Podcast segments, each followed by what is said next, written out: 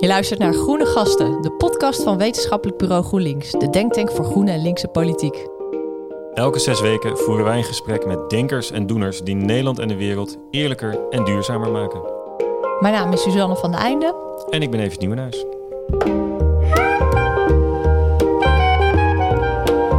Dat betekent ook dat uh, je ook het overzicht verliest van de publieke uh, ruimte. Dat je op een gegeven moment denkt, nou iedereen in mijn omgeving stemt GroenLinks ja. uh, of Partij van de Dieren of D66. Hoe kan het nou dat ze maar acht nou? zetels ja. hebben? ja, ja,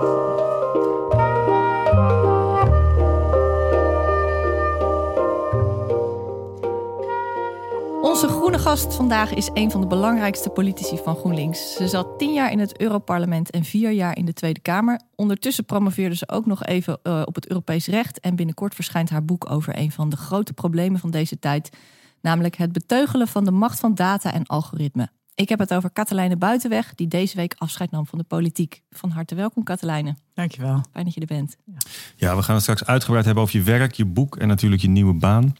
Maar eerst toch nog even dat uh, ongemakkelijke onderwerp waar we het toch even over moeten hebben natuurlijk. De verkiezingsuitslag. Wat gooide jij door de Kamer toen je die exit poll om één minuut over negen zag binnenkomen?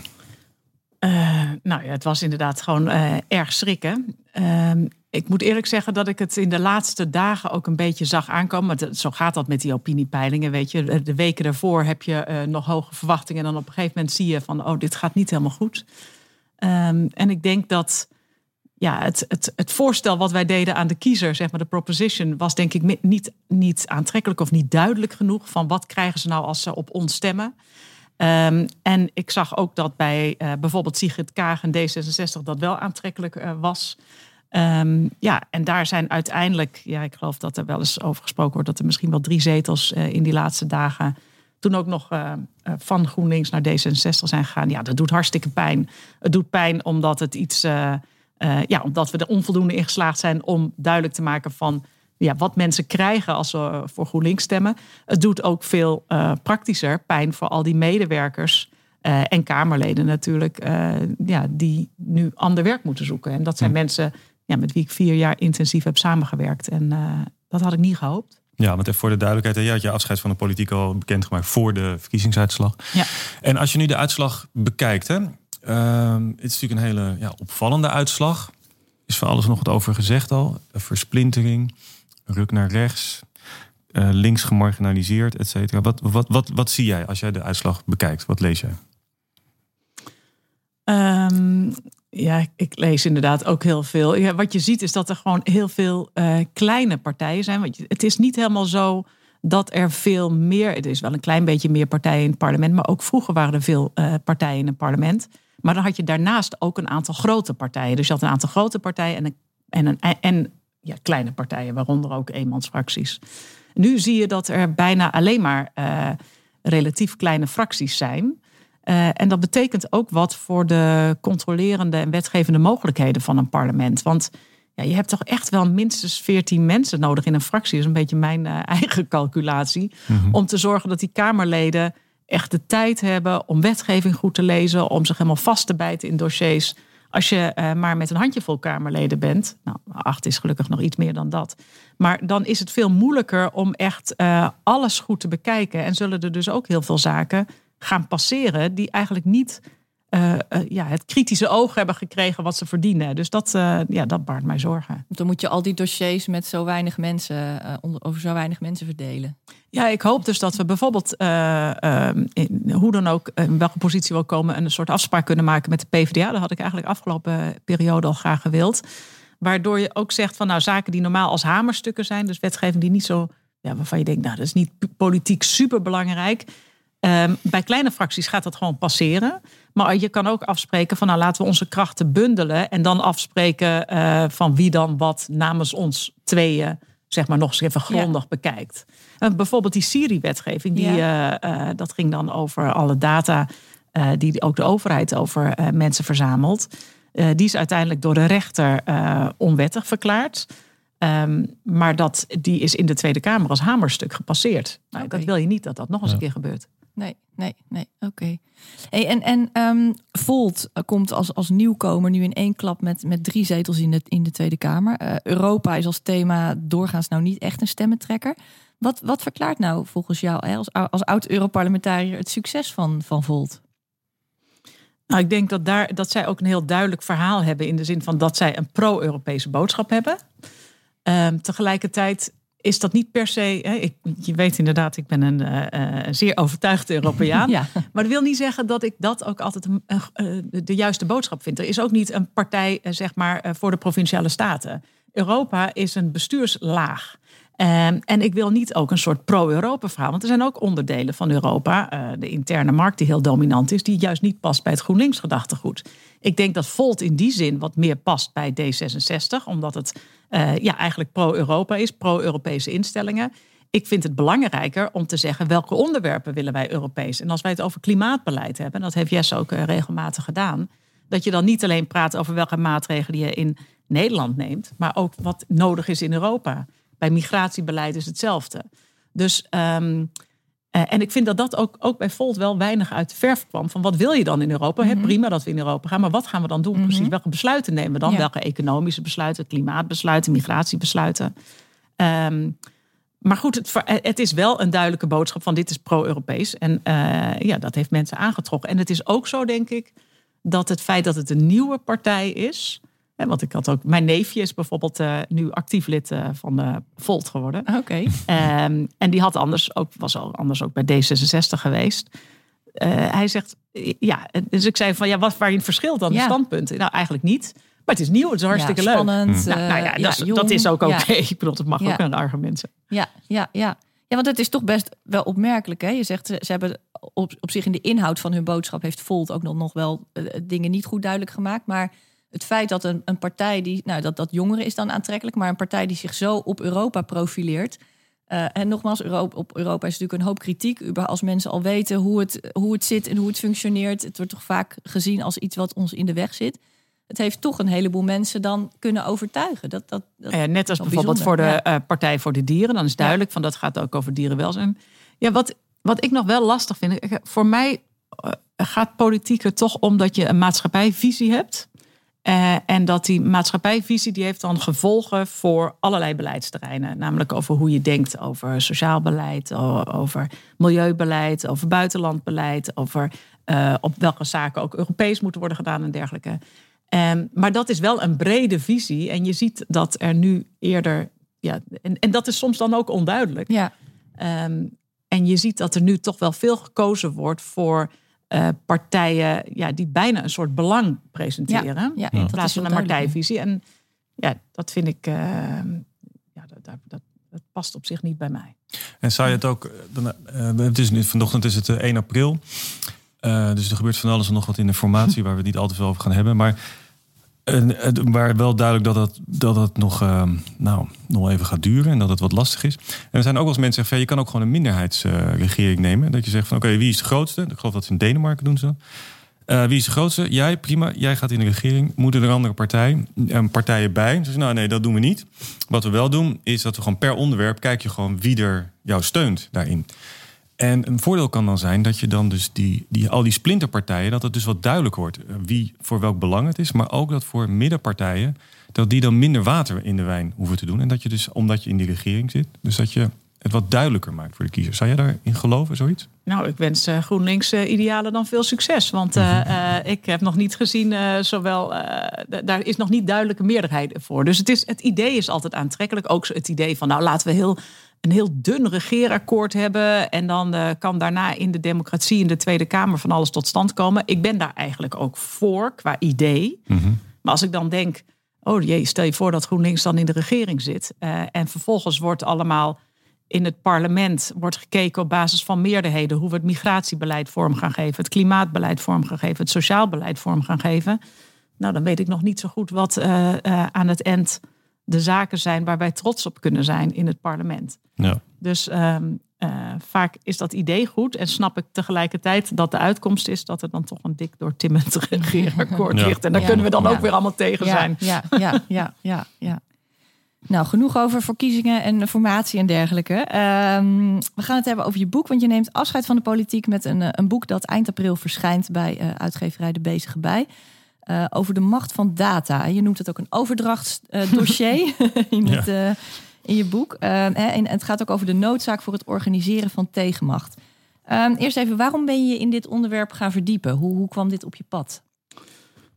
Nou, dat is eigenlijk al een flink aantal jaar geleden. Ook toen ik bij het College voor de Rechten van de Mens werkte. Dat was uh, tussen 2012 en 2017. Toen zag ik ook steeds meer uh, uh, ja, hoe, hoe data en het verzamelen van data eigenlijk de machten veranderen. Eh, hoe we steeds minder zeggenschap hebben over onze data. Dat je ook ziet dat de overheid op een gegeven moment steeds ehm, meer over ons weet. Maar wij steeds minder zicht hebben op hoe de overheid nou besluiten ten opzichte van ons, zeg maar, of, of, of ten aanzien van ons uh, maakt. Nou, dat waren allemaal zaken waar ik me zorgen over maakte. En uh, dan zie je ja, dat er eigenlijk heel weinig tegenmacht wordt georganiseerd. Toen ik dus in de Tweede Kamer kwam, toen zei ik, oh, daar wil ik iets mee doen. Maar dat werd heel erg gezien als een technisch onderwerp. Weet je, ICT okay. zegt iedereen oh, ja. dan. Die zegt, nou, data, ja, dat gaat over de ICT van de overheid. Dus de systemen hmm. en uh, nou, data of ICT en overheid, nou, geen goede combinatie. Ha, ha, ha. Maar ik denk, ja, maar het is niet echt over ICT. Het gaat gewoon over de datamacht. Ja. Um, maar er is niet echt een duidelijke plek waar je dan in de Kamer terecht kan. Want het is verspreid over alle commissies. Ja. De economische zaken houdt zich bezig met uh, uh, data, het verzamelen van data. Binnenlandse zaken inderdaad, met de ICT en overheid. Nou, ja, bij justitie gaat het deels over privacy. Nou, zo is het helemaal verspreid. Um, ik ben, in justitie, ik ben justitiewoordvoerder geweest, heb me dus ook met privacy bezig gehouden. Maar tegelijkertijd heb ik toen samen met een aantal collega's ook van andere partijen gezegd van ja, zo kan dit niet in de toekomst. Um, en een heel duidelijk voorbeeld is een, uh, uh, ging toen met over kunstmatige intelligentie. Daar werd beleid over gemaakt door ministeries. Ja, dat werd in drie ministeries uh, gemaakt. Mm -hmm. Dat kwam dus ook in drie brieven aan de Kamer terecht, die aan de Tweede Kamer werd gestuurd en daar in allerlei verschillende commissies werd behandeld door allemaal verschillende woordvoerders. Voor wie het allemaal niet echt een belangrijk onderdeel van hun portefeuille was, want het was elke keer maar een klein deeltje van die portefeuille. Nou ja, ik dacht, dit gaat gewoon niet goed. Maar dat is precies ook zoals met Siri ging, toch? Op die manier is dat er binnengekomen of doorheen gekomen. Dat het verspreid was en eigenlijk bij het verkeerde dossier lag. En, ja, toen ja. was het weer bij... Ja, zo kan je het inderdaad ook zeggen. Maar goed, toen is uiteindelijk hebben we gezegd... Um, we willen eigenlijk gaan werken naar één parlementaire commissie... die zich er echt mee bezig gaat houden. Maar toen dacht ik, ja, maar je, het moet er ook om gaan... van wat willen we dan dat daar gebeurt? Ja. En uh, geluk, nou ja, kijk, het was een geluk bij een ongeluk. Dus dat ik ziek werd, dat was een nadeel. Maar het had als voordeel dat ik veel thuis was en niet naar Den Haag kon. Dus toen dacht ik, nou, dan ga ik dan alvast eventjes noteren wat ik vind dat in die commissie dan moet gebeuren. Ja. Nou, zo ben ik begonnen. Um, en ik had eigenlijk gedacht dat het een boek werd meer voor uh, het wetenschappelijk bureau van GroenLinks. En toen vertelde ik dat aan Jesse. En die zei, oh, maar dan moet je eigenlijk uh, naar de bezige bij gaan dacht ik, nou, gaat dat zomaar? nou, ik naar de bezige erbij en dat gaat ja, zomaar. Het, uh, ja. makkelijk. dus toen had ik een boekcontract. Nou, kijk. Oh, wat super. Dan ben je ineens auteur. Ja, ja dat vind ik ook echt. Dan zeggen ze, je hoort bij de stal van de bezige bij. Nou, ja. dan kan je echt, je, je kwispel gewoon dan. Je, de, je mag dan uh, volgend jaar ook naar het debutanten of het boekenbal. Ja, dat lijkt me echt geweldig. Ja. Ja. Want je, je schrijft, uh, de, de, kern van je boek is door digitalisering verschuift de macht. Met, he, schrijf je met steeds grotere snelheid richting bedrijven en overheden.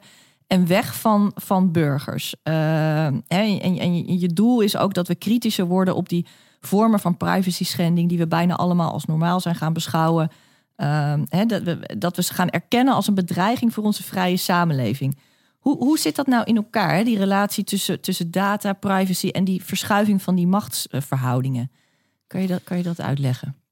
Um, ja, nou, dus, het, het, is in mijn hoofd. Ik heb een, een boek ook met veel verschillende hoofdstukken. Ja. waarin ik op veel terreinen uh, daarop uh, inga. Nou, laat ik er eentje nemen uh, om mee te beginnen: de overheid. Ehm, de overheid werkt ook steeds vaker met voorspellende algoritmes.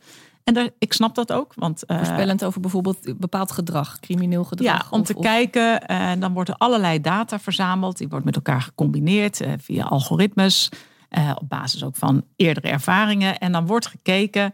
Nou ja, ben jij bijvoorbeeld iemand die voldoet aan het profiel van een dader van huiselijk geweld. Of van een slachtoffer van huiselijk geweld. Nou ja, dan kan je denken, ja, dat is wel handig. Want dan kunnen we die alvast een beetje in de gaten houden. Maar dat heeft ook nogal een impact. Want dan, is er dus, dan bestaan er dus lijstjes uh, van mensen die potentiële daders of potentiële slachtoffers zijn. En daar wordt ook op gehandeld ja. vanuit de overheid. Maar je hebt zelf nog niks gedaan. Nee. Um, en uh, zo gaat het natuurlijk ook deels met criminaliteit of met schoolverlaters. Hè. Bijvoorbeeld in, uh, in Dordrecht is dan een algoritme om te kijken van welke kinderen die spijbelen van school hebben grote kans om een drop-out te zijn. Ja, dat gaat dan deels op postcode en op allerlei andere variabelen. En bij kinderen waarvan ze denken, nou, die hebben een grote kans, worden alle toeters en bellen uh, uh, ingezet, zeg maar, om zo'n kind weer naar school te doen. En bij een kind die misschien zelfs veel vaker afwezig is, maar die op het juiste postcode en wat dan ook woont, wordt veel minder gedaan. Nou, het, je ziet um, dat dan ook vaak jongere werkers vaak niet weten hoe die algoritmes werken.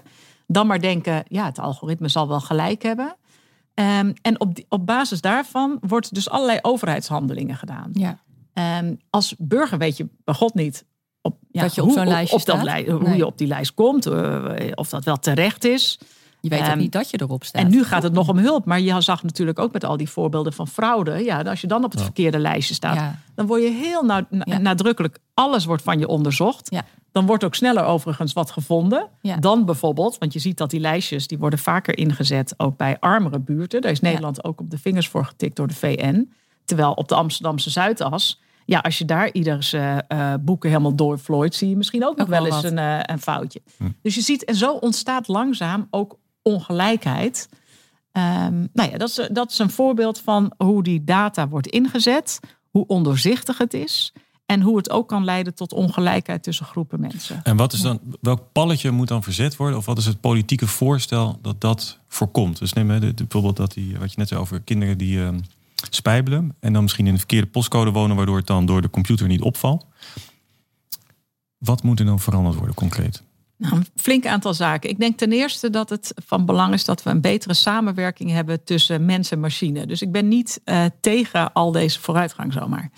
Uh, want het kan ook best nuttig, nuttige informatie opleveren. Maar je moet in ieder geval zorgen dat als je echt met al deze algoritmes gaat werken, dat je ook zorgt dat die professionals die ermee werken, bijvoorbeeld de jongerenwerkers of de, de leerplichtambtenaar, dat die ook durven af te wijken van wat het algoritme zegt. En dat, dat we eens wat afgaan van het blinde vertrouwen in de techniek. Want dat is er nu wel. We denken steeds, nou, zo'n uitkomst die zal niet liegen. Um, dus, dus één is het versterken ook juist van de professionals om een goede match te hebben. Het andere is dat we wel begrijpen, nee, een uitkomst hoeft niet te liegen, maar die is door de datasets die je gebruikt wel gekleurd. En je zag uh, bijvoorbeeld uh, uh, van welke datasets worden nou ingebracht. Um, afhankelijk daarvan verandert ook de uitkomst. En je zag bijvoorbeeld in Amerika, daar werd ook aangetoond dat de overheid die heeft vooral datasets van armere mensen omdat namelijk, ja, die doen vaker een beroep op de overheid. Dus er is over hun veel meer informatie beschikbaar. Ja. En toen het toen ging over het ontdekken uh, van welke kinderen nu slachtoffer zijn van bijvoorbeeld seksueel misbruik, ging het algoritme zelf aan het werk. En dan krijg je van die zelflerende algoritmes die zelf conclusies trekken. En die kwamen er eigenlijk op uit, zonder dat iemand dat goed doorhad, uh, dat uh, seksueel misbruik eigenlijk alleen voorkwam in armere gezinnen. En het duurde een tijdje voordat mensen ontdekten dat, uh, dat, dat, dat, die, dat, dat, ja, dat dat een ja. zelfversterkend effect had. Ja. Nou ja, dus je moet ook goed beseffen uh, welke datasets je voert. Um, en daarop ook uh, weer enigszins corrigeren. Er zijn ook datasets, ik geloof in, in Den Bosch, waarbij nou ja, gekeken wordt op welke wijze kan je nou zorgen, of, wie heeft er nou de meeste kans om vanuit een uitkering aan het werk te gaan. Nou, dan kan je op basis van datasets kijken wie die meeste kans heeft. En die kan dan nou extra geholpen worden om uit te stromen. Maar als je op basis van historische data kijkt, ja, dan is waarschijnlijk uh, de groep vrouwen met een migratieachtergrond, die heeft waarschijnlijk historisch gezien minder kans om uit te stromen. Hm. Als je dat dan gebruikt als conclusie om dus ook die vrouw die nu voor je zit, um, met een migratieachtergrond, om die niet extra te steunen, omdat je denkt, ja, dat gaat waarschijnlijk toch uh, minder opleveren. Ja dan doe je geen recht aan dat individu. Nee. En het is historische data. En die heeft het dus ook in zich om historische ongelijkheden te bestendigen of zelfs te versterken. Ja.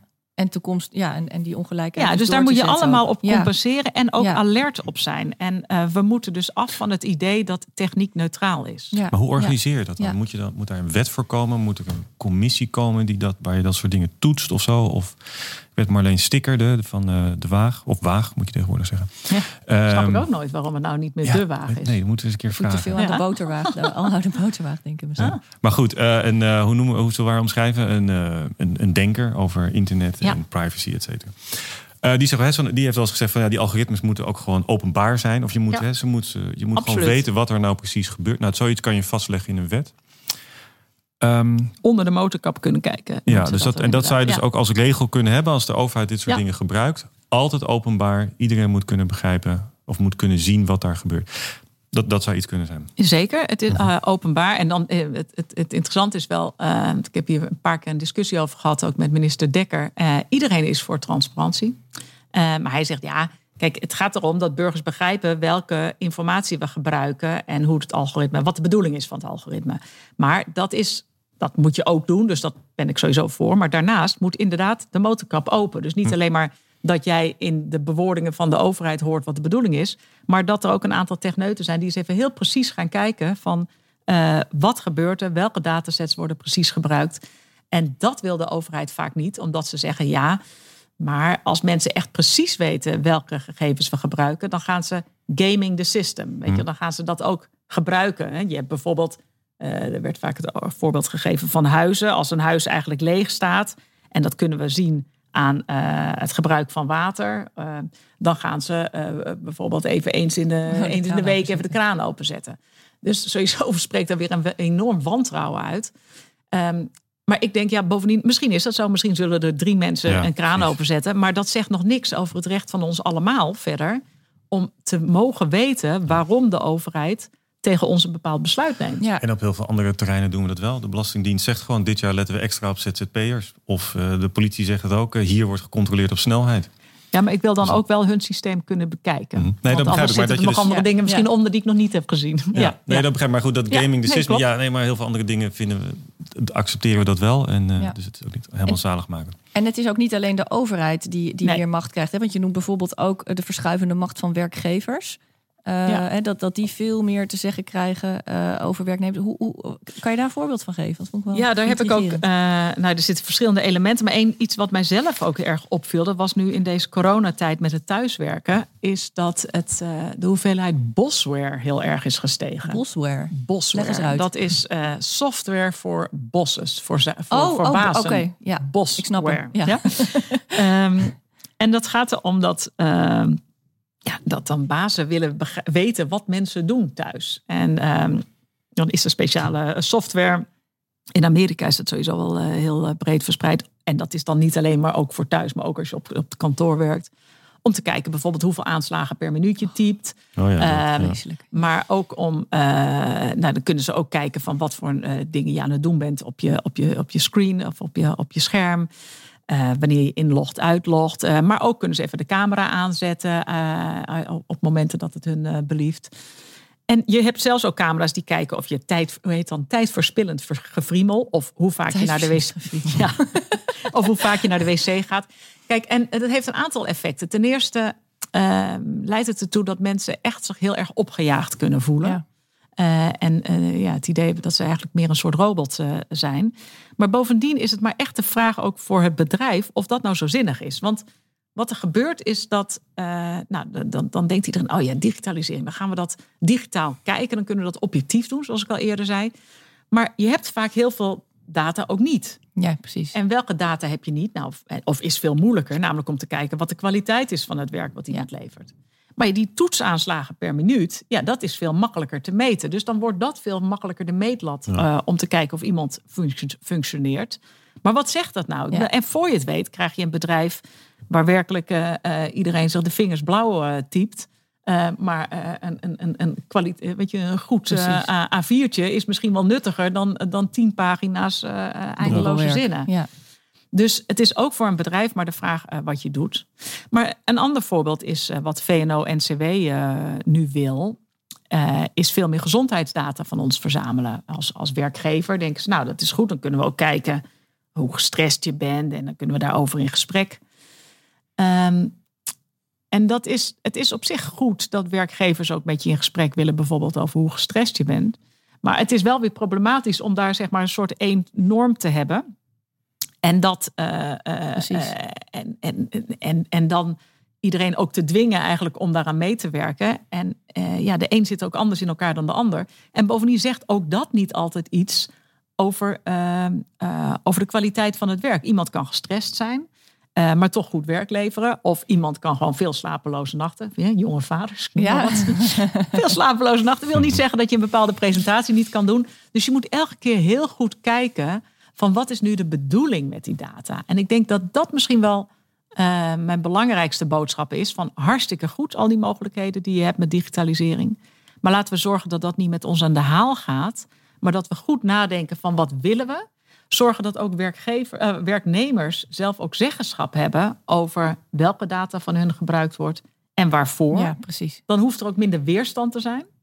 Ehm, en dan kunnen we de voordelen hebben zonder, eh, zonder de nadelen. Ja, ja, ja, ja. Hey, en waar ik nog eh, graag met Jozef over zou willen hebben, en Suzanne ook. eh, eh, en waar ik, waar ik me persoonlijk echt wel zorgen om maak, is eh, nou, de, de filterfuik, wordt het wel eens genoemd, of de filterbubbel. Dus hoe het maatschappelijk debat ook door algoritmes wordt bepaald. Nou, Amerika is natuurlijk heel duidelijk. Hè? Het halve land denkt dat Trump eh, toch wel echt gewonnen heeft. En als het sneeuwt in Kansas, dan eh, ineens denkt iedereen dat dat kwam door Bill Gates, die daar dingen heeft. eh. Dus, Is dan, ook zo. dus het zijn verschillende dingen die bij elkaar komen. Ehm, maar die, die algoritmes en social media, et cetera, hebben een, een versterkend effect. Je ziet ook dat Forum voor Democratie daar eigenlijk ook gewoon echt gebruik van heeft gemaakt. Absoluut. Ehm, en nou goed, dat speelt op allerlei niveaus. Maar wat, wat zouden we daar nou aan moeten doen? Wat, want dus de invloed van algoritmes en social media op het publieke debat. Ja, nou, ik vind in ieder geval eh, goed dat je dit eruit pikt. Want wat eh, mij opvalt bij eh, sociale media is dat iedereen vaak wil hebben over eh, fake news of eh, over, eh, ehm, over, over daar waar de grens van de vrijheid van meningsuiting wordt geraakt. En dat is namelijk ook een heel interessant iets van. willen we wel dat fake nieuws eh, dat dat verboden wordt of hoe ga je daar tegen in? Maar wat het allerbelangrijkste is, is niet zozeer van wanneer markeer je iets als fake nieuws en moet je er dan een, een, een soort eh, alarm bij zetten van pas op, dit is fake nieuws en moet je dat dan niet laten corrigeren. Dat is ook namelijk heel belangrijk. Maar het belangrijkste is dat dat fake nieuws en, en, en desinformatie heel erg gestimuleerd wordt door de algoritmes van Ja. die sociale mediabedrijven. Want die hebben er een enorm voordeel bij. Als mensen zich opwinden, dan gaan ze namelijk veel meer en langer blijven ze dingen lezen. Dat levert weer allemaal geld op, ook van advertentieinkomsten. Dus eh, het, de, de, de discussie die we hadden toen bij Trump en ook eh, van of het nou wel juist was dat eh, Twitter hem weerde en dergelijke, ging heel beperkt in mijn ogen. En de vraag naar wat de impact van de algoritmes is, dat is volgens mij de echte vraag. En ik denk dat ook die algoritmes openbaar moeten. Ehm, maar ik denk dat eh, het verdienmodel van de sociale mediabedrijven, dat die ook gewoon in het hart geraakt moeten worden. Eh, want het verdienmodel is gebaseerd op ja, het maken van hele persoonlijke profielen van ons allemaal. Om te kijken, hè, jij slaat waarschijnlijk op iets anders aan eh, dan ik. Nou, dat moet allemaal in kaart gebracht worden op basis van waar jij allemaal normaal naartoe. eh, ehm, eh, hoe heet het? eh, Surft. surft, inderdaad. En waar je, je je vinkjes zet of wat je. Nou, weet je, dus alles wordt in kaart gebracht over jouw persoonlijkheid om te kijken op welke wijze bepaalde berichten jou het meeste raken. En dat, die handel in en met persoonsgegevens, ehm, daar moeten we gewoon een streep door zetten. En Moeten we hoe gewoon keihard nee tegen zeggen. Ja, hoe, zou, hoe ziet dat er dan uit in, in wetgeving of in, in politieke voorstellen? Dat eerste kan ik me voorstellen. Dat je dus dat, die algoritmes openbaar maken. Dat je ze dwingt van, eh, nou, wat is je algoritme? Zoals ze heel moeilijk vinden. Ze Ik ja, net zeggen, daar worden ze niet blij van hoor. Nee. In een restaurant ga je ook niet vragen wat het recept van de kok is. Dat zullen ze dan eh, zeggen. Maar kun je, dat is wel duidelijk. Dat, dat tweede vind ik lastiger. Hoe, hoe zou je, of om, lastig om te begrijpen wat je daarmee bedoelt. Hoe, hoe, ziet dat eruit? Wat, welk, Nou, wat eh, verbied je dan? Of wat dwing je dan af? Of wat stuur je welke kant dat, op? dat die data, dat het, het opslaan zeg maar, van waar jij heen surft. Mhm. En als jij i- iets liked, dat hè, zegt natuurlijk ook iets eh, over, over je interesses. Of bijvoorbeeld wat je allemaal invult bij Facebook, van wie je vrienden zijn of wat je hobby's zijn. Dat dat niet verhandeld mag worden. Ja. Dat mag je niet verkopen. Je mag eh, je, mag je eh, organen ook niet verkopen. Dus weet Ja. je, het, het is. ehm, Dus persoonsgebonden data ja, is mag niet je gewoon niet verkopen. En de reden daarvoor is. Kijk, ik ben daarin zelf ook wel een beetje veranderd. Ik, vroeger, nee zeg maar heel lang geleden toen ik in het Europees Parlement zat. Toen hadden we het over privacywetgeving en toen kwam de discussie over toestemming. en daar was ik eigenlijk helemaal voor. Ik dacht, jeetje, dat is inderdaad goed. Iedereen, hè, ik ben erg voor autonomie van de individu. Dus mensen moeten gewoon zelf toestemming geven of ze hun data willen verhandelen of niet. Um, dus dat was goed. Alleen wat je ziet is dat uh, ten eerste mensen het niet kunnen overzien wat er allemaal verhandeld wordt. Want dat gaat, uh, als je uh, bij de Volkskrant inlogt, dan gaat het daarna ook naar honderden ja. bedrijven volgens mij. Nou, dat kan je allemaal niet overzien. Maar je kan ook niet overzien wat ze ermee doen. Nee. En dat is denk ik, dat heb ik ook in een boek beschreven, over privacy is niet alleen jouw individuele recht en dus ook jouw individuele recht om dat op te geven het, heeft een, uh, het is ook een publiek goed. Het heeft een enorme impact op de samenleving als geheel. Want als jij en Suzanne en allemaal uh, besluiten om hun data op te geven, omdat je denkt, of, ja, weet je, om uh, te verhandelen, omdat je denkt, nou prima. Ik heb toch niks te verbergen. Ik heb niks te verbergen. Ja. Dan worden vervolgens allerlei profielen gemaakt, ehm, waar ook ik langs gelegd word. Ja. Ja. Um, en dat heeft dus ook weer gevolgen, ook weer nou ja, voor inderdaad voor de desinformatie en, en voor uh, de, de, invloed ook op onze democratie. Dus de impact van het uh, weggeven van je data uh, overstijgt het individu en hoort dus ook niet alleen een individuele keuze. Want soms is het ook lastig. Hè? Je kan, ja. bijvoorbeeld met bankgegevens was dat toen, hè? dus dat het bepaalde gegevens van je bankinformatie openbaar kon worden, maar dat je dat zelf kon kiezen of je dat wel of niet wilde. Dan denk je, nou, de keuze ligt bij de consument, jij bepaalt dat. Maar stel dat je een visum voor Amerika wil aanvragen, dan, of wat dan ook, eh, dan kan, uh, kan het consulaat gewoon zeggen: ja, maar dan willen we wel je gegevens zien. Nou, dat wil ik niet. Nou, ik krijg geen visum. Kan ook. Dus je geeft ook. Uh, ja, het is inderdaad. Nee, ik ben het helemaal met je eens. Dat is iets wat de overheid gewoon moet bepalen, omdat je daarmee ook. Ja. Ja, uh, machtsongelijkheid en misbruiken in, in. Ja, en wat je, wat je nu ziet is doordat er al heel veel data beschikbaar is, dan, uh, er zijn ook data die we officieel volgens de, de, de, de Algemene Verordening Gegevensbescherming, onze data privacywet, um, die je eigenlijk uh, niet mag verzamelen en waar je uh, ja, die ook niet mag verhandelen. Dat zijn zeg maar de, de, de bijzondere persoonsgegevens, bijvoorbeeld over seksuele geaardheid of gerichtheid van iemand. Um, dus dat, dat mag niet. Maar doordat er zoveel gegevens beschikbaar zijn en met elkaar gecombineerd kunnen worden, ja. wordt wel degelijk vaak al conclusies getrokken, ja. ook hierover. Ja. En daar ook, uh, uh, dat wordt ook weer verhandeld. En dat kan uh, natuurlijk voor een bepaald bedrijf een reden zijn om jou juist wel te targeten voor een advertentie. Om te zeggen, of om te zeggen, nou, jou wil ik liever niet. niet. Ja. Nou, weet je, dus het heeft ja. een veel grotere invloed ja. inmiddels door ook dat de, er steeds meer data verzameld wordt. De computerkracht ook steeds sterker wordt. Kan door het combineren van die data steeds meer conclusies getrokken worden. Ja, kan niet echt zeggen conclusie, want het is een waarschijnlijkheid, statistische waarschijnlijkheid.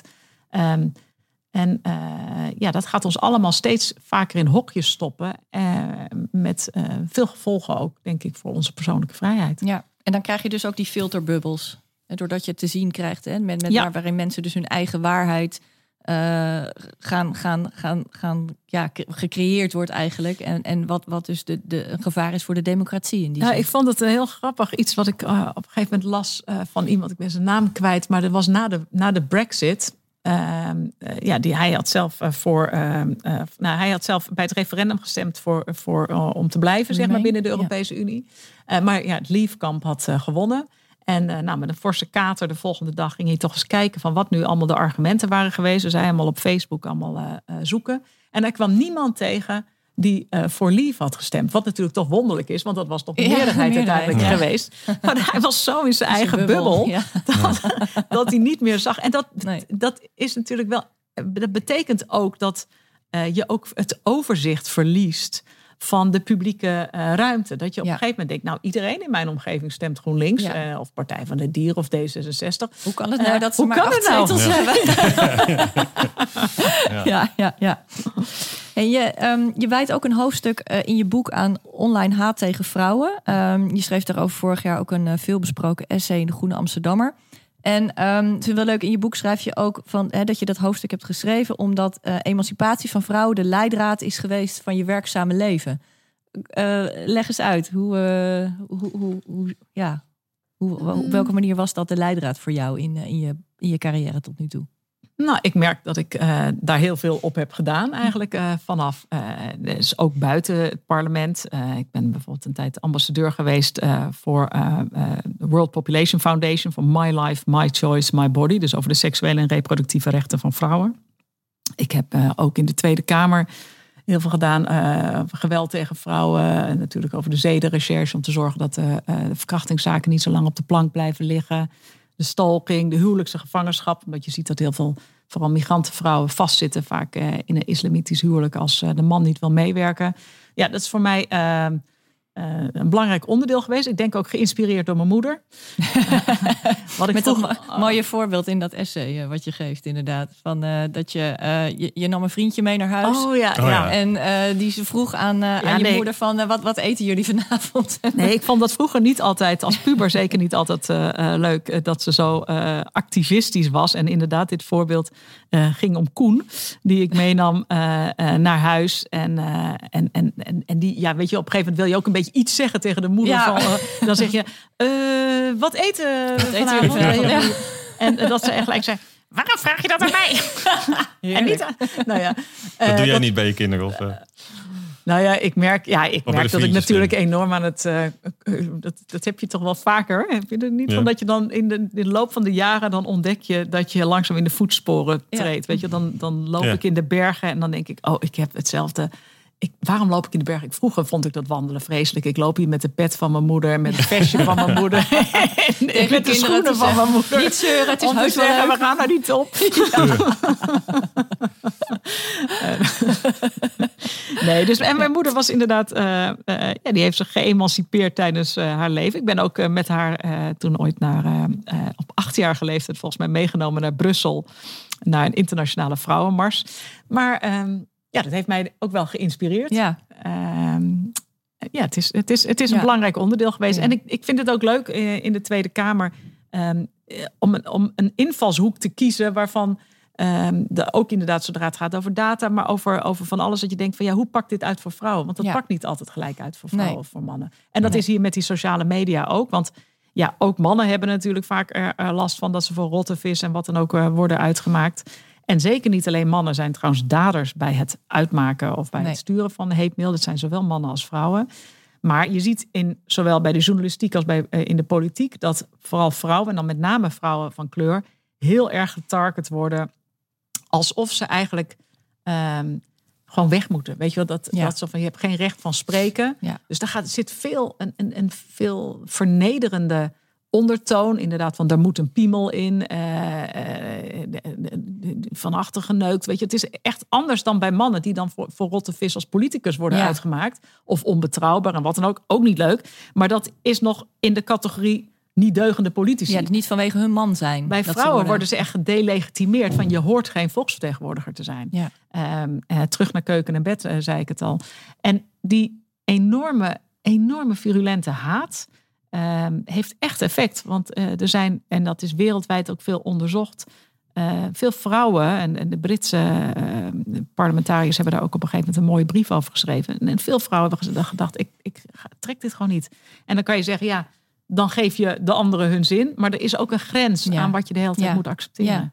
Ja, maar dat schrijf je inderdaad ook. Hè, van de, door die online vrouwenhaat durven veel vrouwen niet de politiek in te gaan. Hè, zijn, of zijn ze daar heel terughoudend in, of verlaten ze de politiek. Um, het, het, het nieuwe parlement is, uh, is een stuk diverser op alle fronten. Uh, vrouwen van kleur, uh, vrouwen überhaupt, mensen van kleur. Um, zie jij een verschuiving? Of, of, terwijl en tegelijkertijd de haat die, nou. die, die ze over elkaar zich heen kregen. Maar het is, die diversiteit neemt wel toe. Um, ja, die diversiteit neemt wel toe. Maar uh, het is uh, geen feest om nee. uh, de, de, de, de Twitter-accounts te bekijken nee. van een aantal van die vrouwen. Nee. Hm. Nee. Um, en uh, ja, daar moet je ook als partij moet je proberen mensen ook wat af te schermen daarvoor. Maar het is ook hoog tijd dat het Openbaar Ministerie meer werk maakt uh, van het vervolgen. Ja. Bij uh, Clarice Cargar, die is uiteindelijk zijn er een aantal mensen, columnisten, columnisten ja, NRC. Is er uiteindelijk door de rechter zijn een aantal mensen veroordeeld wegens haat, haatverspreiding of het intimideren. Maar dat was niet dankzij het OM, maar dankzij een groep mensen om haar heen. Want het OM deed gewoon niks. En een groep mensen om haar heen zijn, is toen duizenden uh, uh, berichten gaan doorspitten van wat is echt strafbaar. Ja. is de, voor de rechter gebracht. Nou, de rechter heeft inderdaad geoordeeld. En heeft daarbij ook een veeg uit de pan gegeven naar het OM. Van dat hij gewoon op zijn handen is blijven zitten. Hm. Want het lijkt wel alsof daar een soort vrijplaats is eh, op, eh, op internet. Maar dat wat, waar, wat er gebeurt op internet heeft wel een gevolg. Ook in de echte wereld. En Ja. je ziet het ook bij de eh, journalisten inderdaad. En de, de Vereniging Nederlandse Journalisten heeft het ook gezegd. Dat er steeds meer vrouwelijke journalisten zijn. Die of onder een eh, eh, ja, een, weet je, of anoniem iets willen publiceren, of er gewoon Ja. van afzien op bepaalde onderwerpen nog hun mond open Ja, te om doen. zich uit te spreken. Dat is toch gewoon verschrikkelijk. En wordt het Ja. erger? Zie je het verergeren? Of is het dus die online vrouwenhaat? Nou, daar, ik bedoel, daar, op die zin heb ik er niet zo'n onderzoek naar gedaan, maar ik zie het niet verminderen. Mhm. Maar wat wel interessant is ook, ehm, en ik, dat, ik weet de Groene Amsterdammer, toen ik mijn eh, essay publiceerde, eh, was de redacteur die wilde dat deel er eigenlijk aflaten. Want wat ik steeds zeg is dat sociale media niet alleen maar een dreiging zijn voor vrouwen, maar juist ook een kans omdat ook in de traditionele eh, sociale media, of in de traditionele media, geschreven media bijvoorbeeld, ehm, eh, er ook heel veel seksisme is. Ja, En eh, dat leidt ertoe dat vrouwen vaak ook niet hun verhaal kunnen vertellen ehm, zoals ze dat zelf eh, ja, zouden willen. Ik werd bijvoorbeeld als Europarlementariër ook constant bevraagd op mijn moederschap en hoe Ja. dat nou toch allemaal moest met die kindjes als ik in Brussel of in Straatsburg Ja. was. en Bas Eickhout krijgt die vraag nooit. Bas Eickhout, ik heb het hem ge- gevraagd, maar die heeft dat nog nooit eh, gehoord. Ehm, en het gevolg is dat door sociale media hebben vrouwen ook de kans om zich echt eh, juist ook zelf van zich te laten horen. En je zag dat bijvoorbeeld in Amerika. Hebben heel veel vrouwen dat eh, gedaan bij de eh, verkiezingen van het Huis van Afgevaardigden in, eh, in 2018. Ehm, waardoor er ook ja, ongekend veel vrouwen toen ook in het parlement kwamen, Ja. of in het huis, huis van Afgevaardigden kwamen, omdat zij niet de hele tijd langs de meetlat van de traditionele media werden gelegd, maar ook de sociale media konden gebruiken om zich te profileren zoals ze waren. Dus het is ook een kans. Ja. Niet alleen Ja. maar negatief. Nee. Uiteindelijk is dat wel blijven staan in dat, eh, dat stuk. Volgens mij. Zeker, want die Ja, zei van, ja, nou, ja. dat is die, weet je, een beetje zo van, dat gebeurt bij ons niet. Ik zeg, nou, ik denk dat dat deel ook blijft staan. Ja. Ik ben nog wel even benieuwd, want je startte in 1995 je, je politieke carrière. Toen hadden we nog geen eh, Twitter en, en toestanden.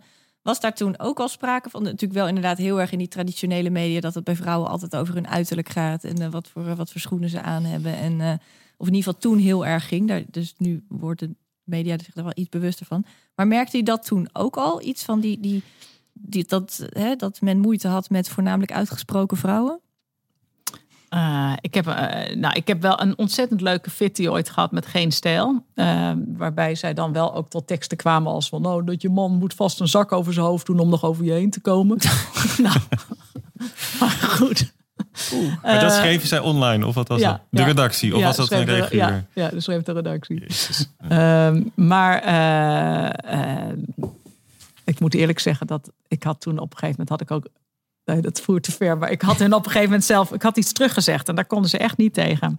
Want het ging, ik zal heel kort. Ja, dat wil ik dan nu weten. Ja, precies. Nu ben ik wel het ging, het ja. ging over eh, eh, hormoonpleisters. eh, en die waren eigenlijk verboden. En dat waren pleisters die kon je krijgen om lust op te wekken bij vrouwen. Wat goed was als ze bepaalde eh, medische problemen hadden, maar niet bedoeld was om gewoon eh, voor de avond uit. En dat vonden zij onzin, dus zij wilden dat breed verspreiden. En toen had ik ook, eh, daar hadden zij allerlei gekke teksten bij. Toen had ik op een gegeven moment gezegd: Goh, zijn de heren te beroerd voor het gewone handwerk?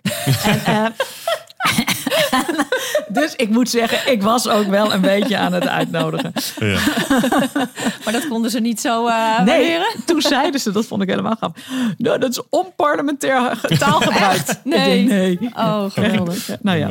Dus, eh, eh, eh, maar weet je, het gaat nu vooral over de massaliteit. Want Ja. dat er eh, berichten gestuurd worden die eh, af en toe onvriendelijk zijn, dat, dat is zo. Maar de massaliteit door die sociale media, Ja. dat is heftig. Ja, Ja. Ja. En op een gegeven moment heb je ook een idee bijna dat, die, eh, dat Twitter ook eh, de graadmeter van de samenleving is. En dat is natuurlijk ook niet zo. Nee. Dus het is ook verstandig om gewoon af en toe te denken, nou, dan ga ik even een tijdje uit.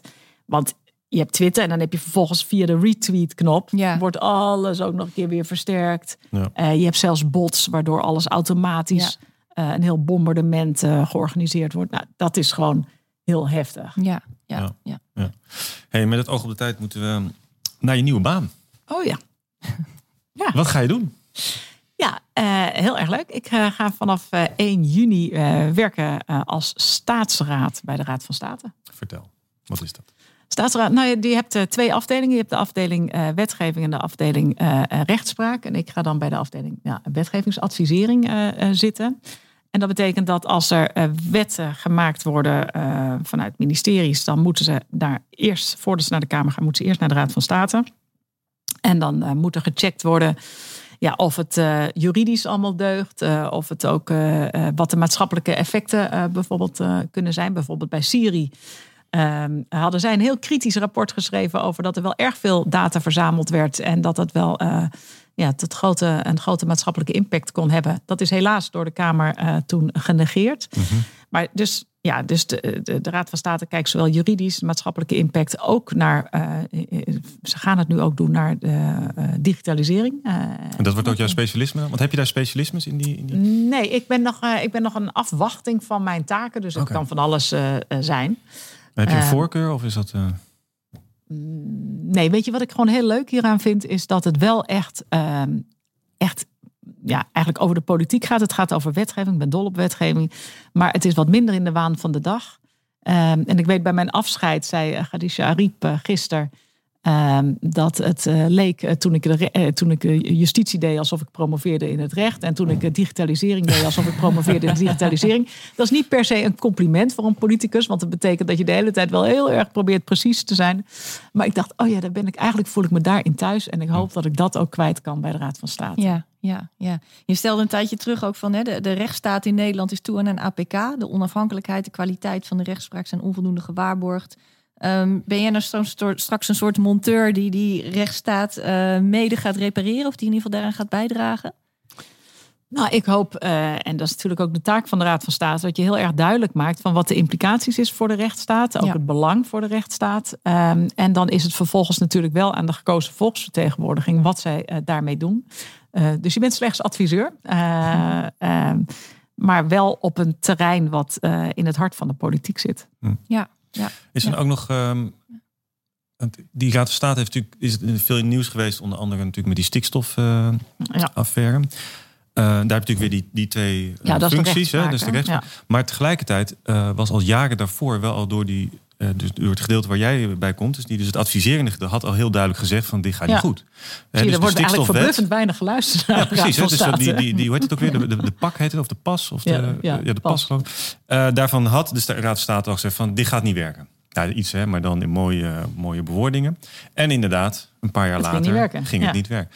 Is daar iets aan te doen? Hoe kun je de Raad van State meer uh, gehoord kunnen laten zijn in Den Haag op het Binnenhof? Nou, vind je het goed als, we, als ik nu eerst maar eens gewoon ga kijken hoe het daar allemaal werkt. En voordat ik en daar dan, nu uh, al van tevoren conclusies over Dat vind ik alleen goed als je over, dan over een, een tijdje daarover komt vertellen. Over hoe de Raad van State ik denk dat ik over een jaar, als ik gewoon goed ingewerkt ben, wil ik dat best. Uh, wil oh, ik dat, nou, hartstikke. Dan hebben we die uitzending alvast. Dat is prima, dat is prima. Ik weet je, het is voor ja. mij ook ja, een spannende stap. Ik ben, ik, ik weet ook, ja, ik word nu ook weer, ik ga weer helemaal onderaan beginnen. Als, ja, en ik ben gewoon afwa afwachtend weer van wat ja. de grote baas mij toebedeelt qua dossiers. En ja, nee, ik ben heel erg benieuwd. Maar het is wel een wat wel, wat wel bijzonder is, ik, je schijnt elke woensdag met elkaar te vergaderen aan een grote tafel. En op de kop van de tafel is een lege stoel. Uh, want daar zat ja. de koning, want het is, die is natuurlijk uh, uh, formeel voorzitter van de Raad van State. En ik heb begrepen dat tot voor een paar jaar geleden iedereen die zit ook op volgorde, geloof ik, van senioriteit, van binnenkomst. En, ehm, en tot een paar jaar geleden mocht iedereen ook het woord voeren, alleen maar op basis van senioriteit van binnenkomst. Maar het goede nieuws is, ik begin 1, jan 1 juni. En er zijn twee andere collega's en die beginnen 1 september. Dus ik heb al helemaal bedacht dat ik binnen no time twee stoelen opschuif. Opschuif, ja. Helemaal goed. Dat is mooi, ja. Ja, hey, um, geweldig. Wij eindigen deze podcast altijd met de vraag, of eigenlijk met de mededeling, de stelling dat er weinig dingen zeker zijn in het leven, maar dat het volgende kabinet daar toch echt GroenLinks in zit. Maar uh, jij verlaat, en dan vragen we, wat zou jij dan, uh, als jij minister wordt, uh, dan doen? Maar goed, jij verlaat de politiek, dus voor jou is die vraag wat minder relevant. Even goed is het nog wel weinig dingen zeker, maar nou, laat ik zeggen, ooit eens komen we in het kabinet. Zeker. Um, maar wat we wel graag van je willen weten, wat, wat zou je GroenLinks mee willen geven? Wat, welk, welke wijsheid wens je de partij? Nou, laat ik, laat ik het dan gewoon even bij het on, want ik, ik heb dan heel veel gedachten. Ik wil het even hier bij dit onderwerp houden. En dat is um, Nou ja, het, het, het besef dat er heel veel krachten zijn die ook onze samenleving vormgeven. Dat, het, dat we bij die data moeten begrijpen dat dat echt ook de toekomst van onze kinderen gaat mede bepalen. En dat ik hoop dat we dat niet alleen maar als een technisch iets gaan zien. Dat we daar ook niet heel erg bang voor gaan zijn. Maar dat we leren uh, ja, hoe, we dat, uh, hoe we die tegenmacht gaan organiseren. En niet alleen in de politiek, maar ook met de journalistiek. Met allerlei kritische denkers. Met mensen van Waag, uh, van, van universiteiten. Om te zorgen dat die macht van alle techbedrijven en, en het groot kapitaal, om het zo maar te denken, dat dat niet onaantastbaar is. Maar we moeten ons dan ook niet ja, eigenlijk daar bang voor zijn. We moeten ons niet machteloos voelen, maar juist weten dat die tegenmacht echt georganiseerd kan worden. Mhm. En daar zullen we ons uh, met hart en ziel voor moeten inzetten. Ja. Het is eigenlijk bij uitstek een GroenLinks thema, toch? Want dat vind gaat ik ook over, namelijk. Ja, dat vind ik namelijk ook. Dat is precies mijn standpunt. Ja, ja. wat ik een heel mooi uh, in, in je boek citeer je uh, Karl Popper, als ik het goed heb. En schrijf je, vond ik een heel mooi citaat en ook passend bij het feit je zegt steeds: het is niet alleen maar een bedreiging, er zitten ook kansen in. Uh, de toekomst hangt af van wat wij doen. Dus het is onze plicht niet om kwaad te voorspellen, maar om het kwaad te voorspellen, maar om te vechten voor een betere wereld. Ja. Dat, dat zit volgens mij heel erg in, jou, uh, uh, in jouw werk, in jouw voorstellen, in, in dit boek ook. En ik kan me voorstellen dat dat ook iets is wat een mooie boodschap voor. Uh, Zeker. En ik heb zelfs Karl Marx geciteerd. Die heb ik ja. hier laatst Die heb je hier niet uh, staan. Die heb ik hier niet staan. Nee. Nee, maar dan gaat het om dat het enige tijd kost, zeg maar, uh, om te begrijpen, zeg maar, hoe de ja, hoe, in, dan zeg maar naar, naar de digitalisering vertaald van hoe de digitalisering werkt. En dan ook begrijpt dat de digitalisering op zichzelf niet ons een bepaalde richting induwt. Maar dat het het grootkapitaal is die dat doet. Ja, en dat we nu na in verloop van tijd hebben geleerd zeg maar, daar onderscheid tussen die zaken te maken. En dat we nu het tijd is om het grootkapitaal aan te pakken. En ik zou zeggen, lijkt me een mooie opdracht uh, voor de volgende GroenLinks-fractie om daar hard werk van te maken. Dankjewel. Heel veel dank voor dit gesprek. En jij luisteraar, bedankt dat je luisterde. Uh, eind april verschijnt dus het boek Datamacht en Tegenkracht bij uitgeverij De Bezige Bij van Katelijne Buitenweg. En in het volgende nummer van De Helling verschijnt een afscheidsessay van Katelijne. Ja, en wij zijn er weer over zes weken met een gesprek over kansenongelijkheid in het onderwijs en hoe die kan worden tegengegaan. En we kunnen ook wel stellen dat over een jaar uh, Katelijne. ja, inderdaad. tot dan, tot, tot de volgende uitzending.